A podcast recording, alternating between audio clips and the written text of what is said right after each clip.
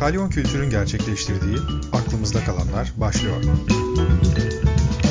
Hazırlayan ve sunan Sinan Eren Erk.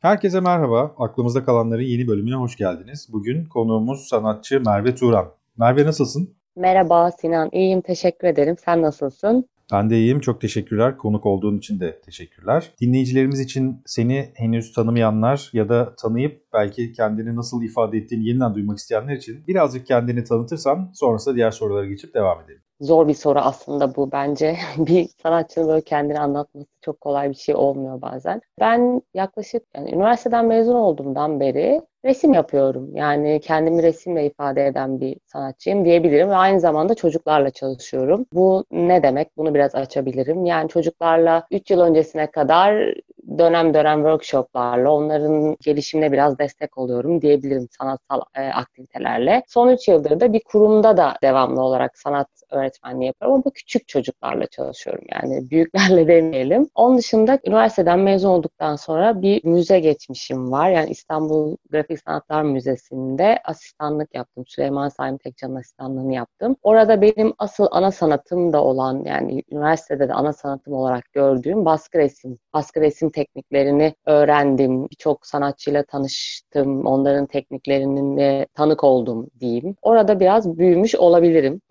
Böyle söyleyebilirim. Birçok sergi koordinatörlüğü ya da rehberlik vesaire. Yani aslında bir e, okuldan sonraki süreçte benim ana hayat okulum diyebilirim. Orada çünkü dört buçuk sene gibi bir süreç geçti. Sanatçılık kariyerim de aslında orada başladı. Çünkü bir yüksek sansı bırakma dönemim var orada. Zor bir süreçti ve sonra sanatçı kariyerimin işte ilk sergim, ilk baskılarımı oluşturmam, onları toparlayabilmem ve işte böyle daha çok karar verme aşaması, hayatımla ilgili ne yapacağım, ne edeceğim, nasıl olacak. Hepsi İMOGA döneminde gerçekleşti işte tabii ki burada bana destek olan hocam da Süleyman Saim Tekcan'ın parmağı çok fazla var hayatımda desteği, fikirleri. İlk sergimi oradaki süreçten sonra gerçekleştirdim. Daha sonra zaten sürecim başladı. Kendi atölyemi kurdum. Atölyemde hala sergilerime hazırlanıp işte üretimlerime devam ediyorum. Sadece baskı resme biraz ara verdim diyebilirim. Yani genel olarak bu şekilde tanımlayabiliriz aslında birazcık beni. İstersen biraz Imoga süreciyle başlayıp sonrasına ilerleyelim. Çünkü Imoga süreci biraz önce senin de bahsettiğin gibi baskı resim üzerine de yoğunlukla çalıştığın bir dönemdi ve biliyoruz ki Süleyman Saim Tekcan'ın Türkiye'de baskı resme olan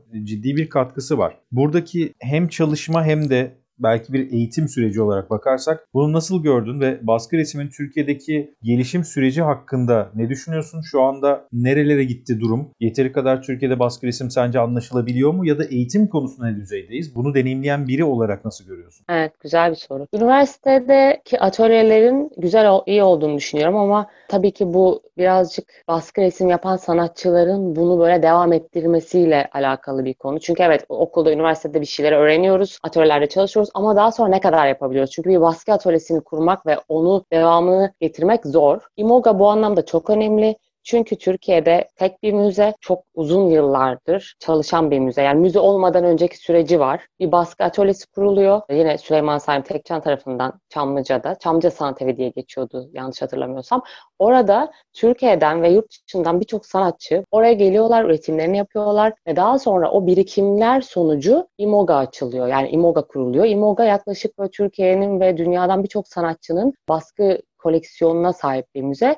Bir de şöyle bir özelliği var. Bu sanatçılar bu çalışmalarını orada gerçekleştiriyorlar. Yani çoğu. Hatta kalabilecekleri rezidans tarzı yerlere de sahip. Yani sanatçılar gelip çalışıp üretip daha sonra ülkelerine de dönebiliyorlar. Bu anlamda önemli yani bir güzel sanatlar öğrencisi için ya da sanatçı adayları için de hem Türkiye'deki birçok sanatçının tekniğini ve sanatını anlamak açısından da önemli bir yer diye düşünüyorum. Ben oradayken bütün bunları evet görme şansına sahip oldum ve kendi bulunduğum süre içerisinde gelen sanatçıların tekniklerini ve onların nasıl e, üretim süreçlerini geçirdiklerini izledim ve kendi işlerime de bu yansıdı tabii ki ve benim de kendi işlerimi oluşturmamda çok katkısı oldu.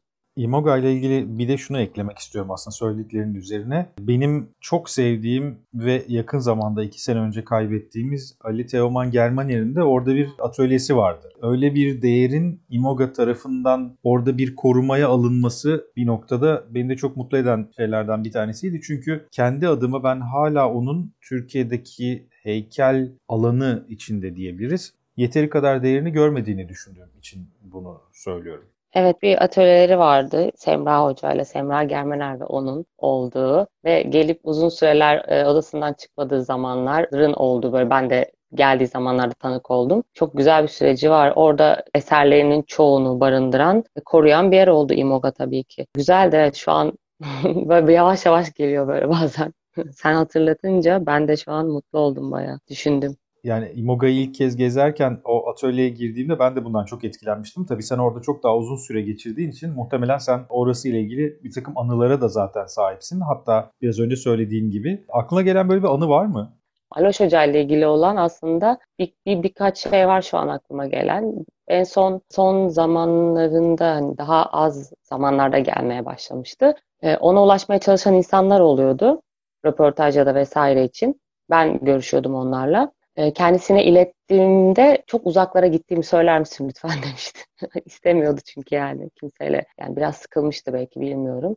Yokum de diyordu yani. Kendisi yok. Hiçbir zaman işte cevap vermeyecek ya da çok uzaklara gittiğimi söyle, olmadığımı söyle demişti bana. Böyle bayağı şaşırmıştım. Değişikti yani. Aklıma bu geldi. İşte bu tarz kayıtların belki aklımızda kalanlar ve buna benzer programların, podcastlerin ya da yazıların da arşiv niteliği taşımasına biraz bu yüzden önemli gibi geliyor bana. Çünkü senin böyle yaşadığın bir tanıklık var ve bunu şu anda aslında tarihe bir kayıt olarak düşmüş olduk. O yüzden özellikle sorduğum bir soruydu aslında bu. Ama senin aslında üretimin, sanatsal üretimin çoğunlukla evet bir baskı üzerinden giden bir taraf var ama senin kendi üslubunla oluşturduğun başka işlerin de var ve bunlarla yurt dışında da sergiler açtın. Hala da sergiler açmaya devam ediyorsun. Bu üslubu nasıl geliştirdin ve şu anda özellikle mesela İngiltere'de en son yaptığın işlerle ilgili bize ne gibi bilgiler verebilirsin? Evet güzel gelişmeler oldu. Sen de tanık oldun. Denk geldi. Uzun bir süre çünkü bir boşluk olmuştu yurt dışı ile ilgili. Çok güzel bir soru sordum bence. Ben de bundan bahsetmek istiyordum. Benim aslında senin bahsettiğin kendi üslubum, bunu oluşturma sürecim evet İmoga'da oldu. Yine yani orada yani orası dedim ya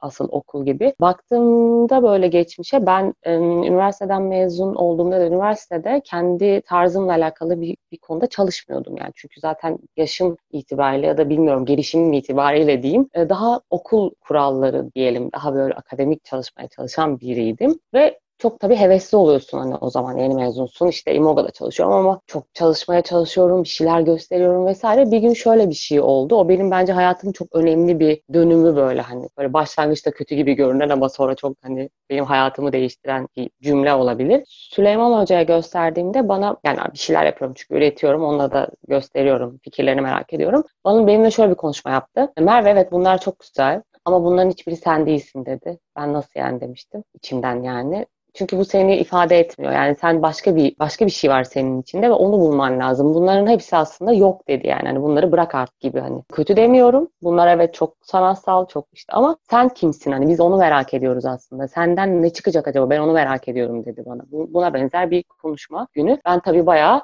düştüm ilk başta. Nasıl yani şimdi ben bir sürü şey yapıyorum. Hani onlar böyle her şey çorba oldu Sinan yani ne olacak falan. Ama sonra ben şeyi hatırladım. Merve sen en son ne zaman resim yapmayı seviyordun yani? Deyip böyle bir çocukluğumu hatırladım. Çünkü çocukken hepimiz çok severiz ya resim yapmayı böyle. Hepimizin defteri ya çoğu çocuk sever. Defteri vardır, çok rahattır. E ben neden başa dönmüyorum dedim yani. Hani bir tane resim defteri aldım keçeli kalem aldım. Böyle her yerde rahatladığım ve mutlu olduğum zamanları hatırlamaya başladım. Yani çocukluğumda nasıl, ne, ne yapıyordum ben, hani hangi frekansta çalışıyordum acaba falan deyip böyle kendimi biraz rahat bıraktım. Ve bunun bu rahatlama sonucunda Sinan 4-5 tane defterim bitti. Nasıl yani böyle düşünsene 4-5 tane sketch defteri bitti böyle. Aa falan hani bir şeyler çıkmış demek ki deyip böyle sonradan baktığımızda bir baktım aslında evet ben başka bir şey çıkarıyorum içimden yani. Hani benden ya, ya da Merve'nin anlatımı böyle bayağı bir üslup oluşturmuş gibi görünüyordu. Sonra o defterlere baktığında hocam şey dedi, evet bak şimdi sen kim olduğunu ve ne yapmak istediğine dair ipuçlarını görüyorum dedi yani ve bu işlerden seçiyoruz ve şimdi sen müze koleksiyonuna girdin hani. Baskıların burada üretilmeye başlayabilir dediğinde çok mutlu oldum. Yani bu bir, bir buçuk iki senelik bir süreç sonrası. Ondan sonra ben zaten kendimi ifade etmeye başladım diyebilirim yani. Hani bilmiyorum sorunun dışında çok çıktım mı böyle anılar aklıma geliyor böyle anlatıyorum. Aslında böyle oldu diyebilirim. Tamamen benim tekrar o çocukluğuma dönme sürecimle, o defterleri almamla bir üslup oluşturma sonucum bu şekilde oldu. Aslında biraz da konuşmayı yönlendirmek istediğim yere doğru senin gittiğini fark ediyorum. Bu da güzel bir tesadüf oldu. Çocukluktan bahsettin. Burada şunu sormak istiyorum her şeyin başında. Yaptığın o çizimlerin ve o dönem işte aldığın o sketchbookları doldurma sürecinde bunların sadece bir takım rahatlama egzersizleri mi yoksa sanatsal işler mi olduğuna nasıl karar verdin kendi kafanda? Yani bunları kendine inandırmaya mı çalıştın yoksa zaten böyle olduğunu gördüğün anda hissediyor muydun? Hiçbir şekilde bunların hiçbirini düşünmedim. Ben sadece bir şeyleri hatırlamak istedim yani. Ve hatırlamak isterken de araç oldu aslında resim yapmak. Yani oyun oynamayı hatırladım, çocukluğumu hatırladım belki. Onları o rahatlama süreciyle başladım ben. Hiçbir şekilde bir yere gideceğini bilmiyordum gerçekten. Sonra yol açıldı ama yani hani baktıktan sonra, bittikten sonra aa evet burada bir şeyler olmaya başladı dedik beraber. Yani demek ki gözlemleme sürecini sonra yaptık yani. O, o süreçte bilmiyordum. Sonra onlar ilk sergimi oluşturdu mesela.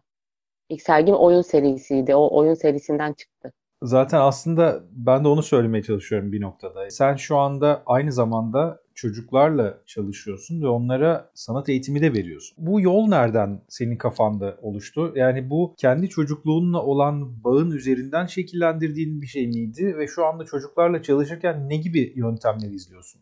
Evet aslında kendi çocukluğumla bağlantılı o bağ bence.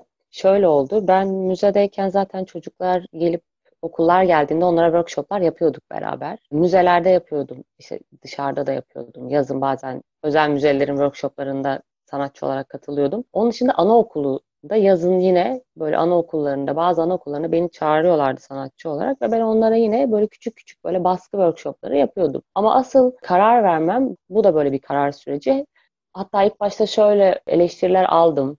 Dikkat et bak iyice çocuklara doğru hani ne bileyim sanatçı tarafını unutma işte öğretmen olacaksın falan hani dikkat gibi. Böyle birkaç eleştiri aldığımı da hatırlıyorum. Bu sürece karar vermem aslında birazcık hayata böyle biraz akışına bırakmamla oldu. Bir Londra süreci gerçekleşti benim hayatımda. O Londra'ya gittikten sonra ya tabii müze müze bitti. Atölyemde sergilerim işte olmaya devam etti falan. Onları bitirdikten sonra bir Londra'ya kısa bir süre gittim. Orada böyle küçük küçük sergiler oldu. Döndükten sonra işte asıl böyle hayatıma karar verme dönemim orada başladı. Karşıma bir şekilde sürekli çocukların çıktığını fark ettim. Yani çocuklarla ilgili işler geliyor ve içimden bir ses şey diyordu. Ben onlarla çalışacağım yani. Çünkü bir, bir şey var orada yani beni çağıran. O böyle frekans benim çok rahatlayacağım bir yer gibi. Ondan sonra tamamen karar verdim. Yani ben çocuklarla mutluyum yani gerçekten. O zaman karar verdim. Ben hem çocukların yanında olup hem kendi işlerimi üretebilirim ve birbirimizle inanılmaz besleniyoruz. Bunu gördüğümde bunun gerçekten işe yaradığını fark ettim. Yani onların hayatında da bir şeye dokunuyorum. Onlar benim hayatımda çok şey dokunuyor gibi. Ve ben onlardan öğrendiğimi, yani onları gözlemleyerek hayatımı değiştirdiklerini fark ettim. Bana bir şey öğretiyorlar yani. Sevgi yani. Hani bu, bu çok güzel bir şey.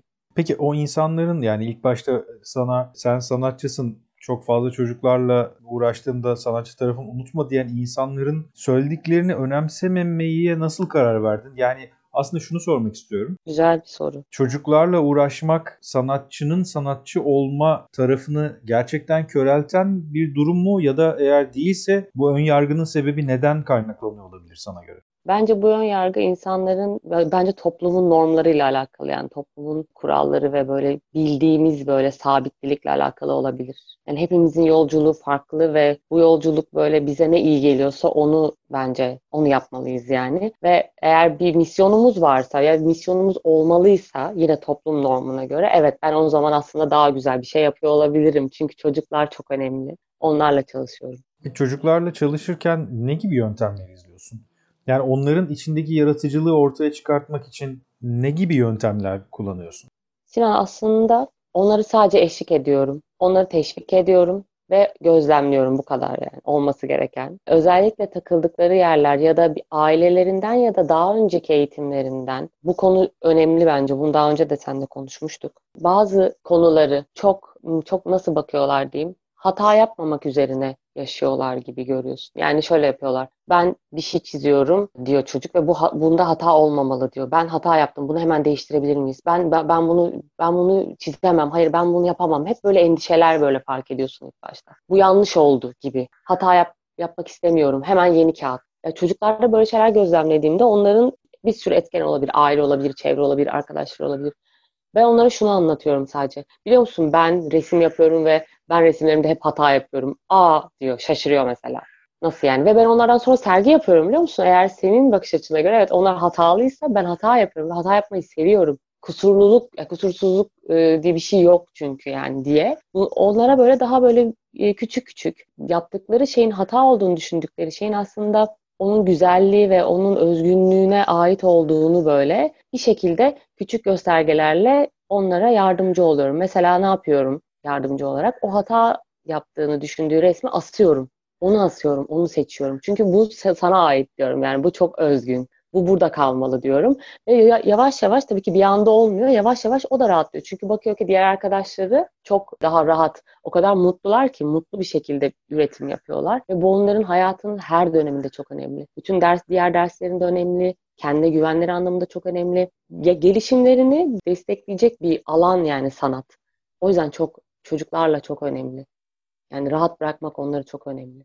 Ayağı yere sağlam basan bir sanat anlayışı sence büyüklere özgü mü, yetişkinlere özgü mü? Çünkü senin söylediğin şeyleri dinlediğimde daha önce de zaten bunları konuştuğumuzda hep şunu fark ediyorum. Çocuklara ne kadar oyun alanı, ne kadar hareket alanı bırakırsan kendi yöntemlerini, kendi yollarını seçmekte o kadar rahatlıyorlar ama biz yetişkinler olarak belli noktalarda belki toplum normlarında biraz önce senin söylediğin gibi daha kesin sınırlar içinde ve daha garantici bir yaklaşımla hareket etmeyi seçiyoruz. Yetişkin olmak bize bir ayakları yere sağlam basma illüzyonu mu getiriyor yoksa bir noktadan sonra çocuklar belki o yaratıcılık üzerinden bir ayaklarını yere sağlam basma dürtüsüne girerlerse daha farklı sonuçlar mı alacağız? Bence evet o bahsettiğin ilk şey ilk e, konuşmanda şunu söyleyebilirim. İllüzyon yaratıyor bence. Biz bunu kendimize zaten zarar verdiğimiz için çocuklardan da bunu bekliyor olabiliriz Sinan. Yani o kadar topluma göre yaşıyoruz ki çünkü kendimiz buradan çıkmak için de çok uğraşıyoruz. İşte bıraksak aslında rahatlayacağız ya bir böyle olduğu gibi görsek. Çocukları da bırakmayışımızın sebebi belki bu topluma uydurmaya çalışmak. Ama onlar bize her seferinde özellikle ilk 6 yaşta hep bunun sinyalini veriyorlar. Çünkü özgünler. 6 yaştan sonra değişiyor zaten bir şeyler. Anne babaya benziyor, çevreden etkileniyor vesaire. Onlar hep o ipucuyu veriyorlar bize. Yani diyorlar ki biz zaten özgürüz yani hani çok da san- yani çok sanatsalız diyor yani öyle enteresan işler çıkıyor ki. Yani o zaten ona özgü ve bırak yani onu. Neden tamamlamasını istiyorsun mesela? Birçok e, mesela kurumda şu olabilir. Tamamlanması gereken resim ya da işte bitmemiş. Yani neye göre yani hani nasıl çocuk ona o, o şekilde yapıyorsa bırak o sınırını unutsun yani sınır koyma. Biz kendimiz bunu hayatımızda beceremediğimiz için doğru kabul ediyoruz büyükler olarak. Çocuklardan da bunu bekliyoruz. E o zaman ne oluyor? Tek tip her şey yani. Hani hiçbir şey değişmiyor ve herkes bir şeylerden şikayet ediyor ama kimse bir şey yapmıyor yani. Değiştirmek için hiçbir çaba ya da hiçbir başlangıç için bir adım olmuyor yani atmıyor kimse. Aslında adım burada yani. Eğitim ise konu adım burada. Çocukları rahat bırakmak birazcık onları teşvik etmek ya da özgür olmalarını yani özgürlüklerini durdurmamak, sınırlamamak diye düşünüyorum. Peki bu tek başına yetecek bir süreç mi sence? Sinan bunu gerçekten ben de bilmiyorum. Neden biliyor musun? Çünkü ben de bunu deneyimleyerek anla, yani gördüğüm kadarıyla anlatıyorum ya gözlemlede bildiğim kadarıyla. Bunu cevabını net bilmiyorum ama zaten net cevabı da olmamalı bence. Ama en azından gördüğüm bir şey var. Yani fark ettiğim ve zarar veren çocuklara onu iyileştirme anlamında ya da onu fark ettiğim için bu kadarını konuşabiliyorum aslında.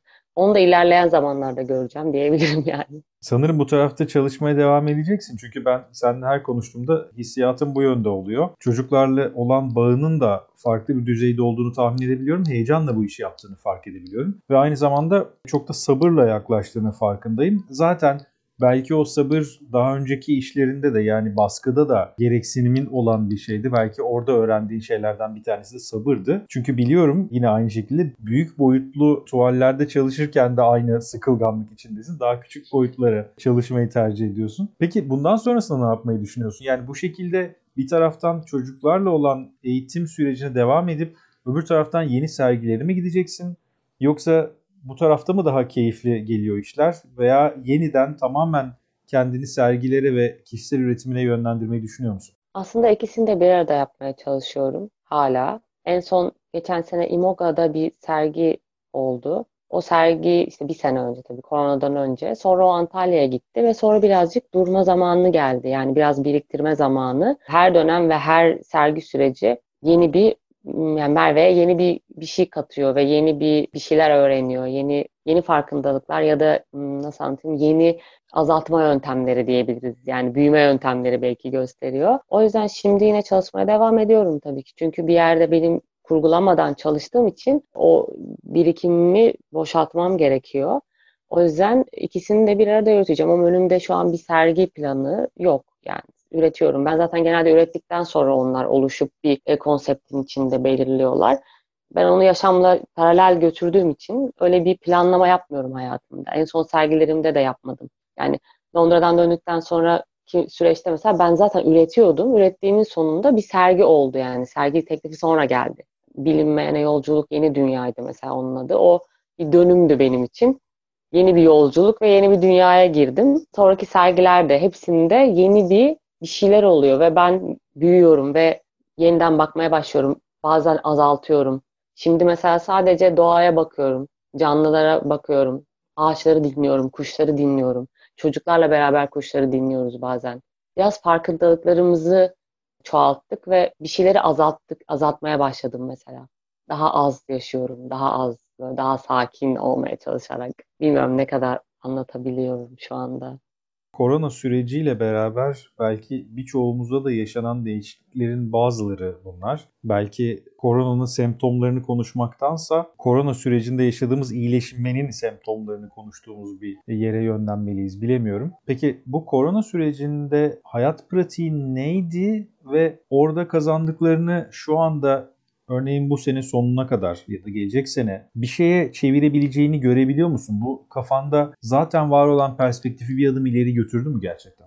Bence güzel bir süreç. Yani benim için sanatsal anlamda güzel bir süreç. Çünkü uzun süredir kendime odaklanmamıştım o kadar. Her insanın da böyle bir süreci mecburen oldu yalnız kaldık vesaire. Ürettiğim ve böyle okuduğum, çok okuduğum bir süreç oldu. Uzun süredir kitap okuyamıyordum, konsantre olamıyordum mesela. Öyle bir avantajı oldu ve ilgi alanlarımı daha çok fark ettim. Kendimi birazcık hırpaladım, birazcık böyle baş başa kaldık yani. Eleştirdim, sonra bıraktım, kabul ettim. Böyle bir sürü böyle bir inişi çıkışı bir dönem. Üretimime yaradı. Güzel bir seri çıkarttım aslında korona döneminde evde yani. Ben mutluydum böyle. Hiç yani insanlar böyle biraz sinirlenecektir belki ya da insanlar o zaman da arkadaşlarım falan bazen böyle tartışmalar yaşıyorduk. Ben hani evde olmaktan ve bunun bir bunun hani bize mesajını aslında daha fazla düşünenlerdenim yani hani insanları yine gözlemledim. Kendimi çok gözlemledim. Güzel bir üretim süreci geçirdim. Çocukları fark ettiğimde de onu söyleyebilirim. Şu an aklıma geldi. Çocukların hayallerinin ve isteklerinin küçüldüğünü fark ediyorum. Daha küçük şeylerden mutlu oluyorlar şu an mesela. Okullar açıldı. Eskiden istekleri belki çok daha büyüktü. Şimdi çocuklar sadece parkta oynamak istiyorlar ve tek isteği arkadaşıyla oturmak yani. Sen de çocuklarda çocuk olmayı mı hatırladılar? Ee, evet doğru söylüyorsun. Çünkü bunu biz unutturuyoruz ya onlara işte bazen büyükler olarak. Onlar onu hatırladılar. Dediğin gibi sadece top oynamak istiyorlar, sadece vakit geçirmek istiyorlar, sohbet etmek istiyorlar ve yardımlaşma aralarında çok böyle güzel bir yardımlaşma var. Çünkü tek istedikleri beraber olmak. Yalnızlık onlara çok sıktı yani uzun bir süredir evdeler. Sanırım zaten toplum olarak da önümüzdeki süreçte o yardımlaşma ve dayanışma üzerinden şekillendirebileceğimiz yeni bir sosyal modele doğru belki ilerlediğimizi görüyorum en azından tahmin ettiğim kadarıyla ve bugüne kadar bu konu hakkında konuştuğumuz konuklarla da aklımızda kalanlarda çıkardığımız sonuç aşağı yukarı böyle bir şeye gelmiş oluyor. Merve çok teşekkürler. Bize vakit ayırdın. Keyifli bir sohbet gerçekleştirdik. Ve böylece aklımızda kalanların bir bölümünün daha sonuna gelmiş olduk. Gelecek hafta yeni bir konu ve yeni bir konukla buluşmak üzere. Herkese hoşçakalın.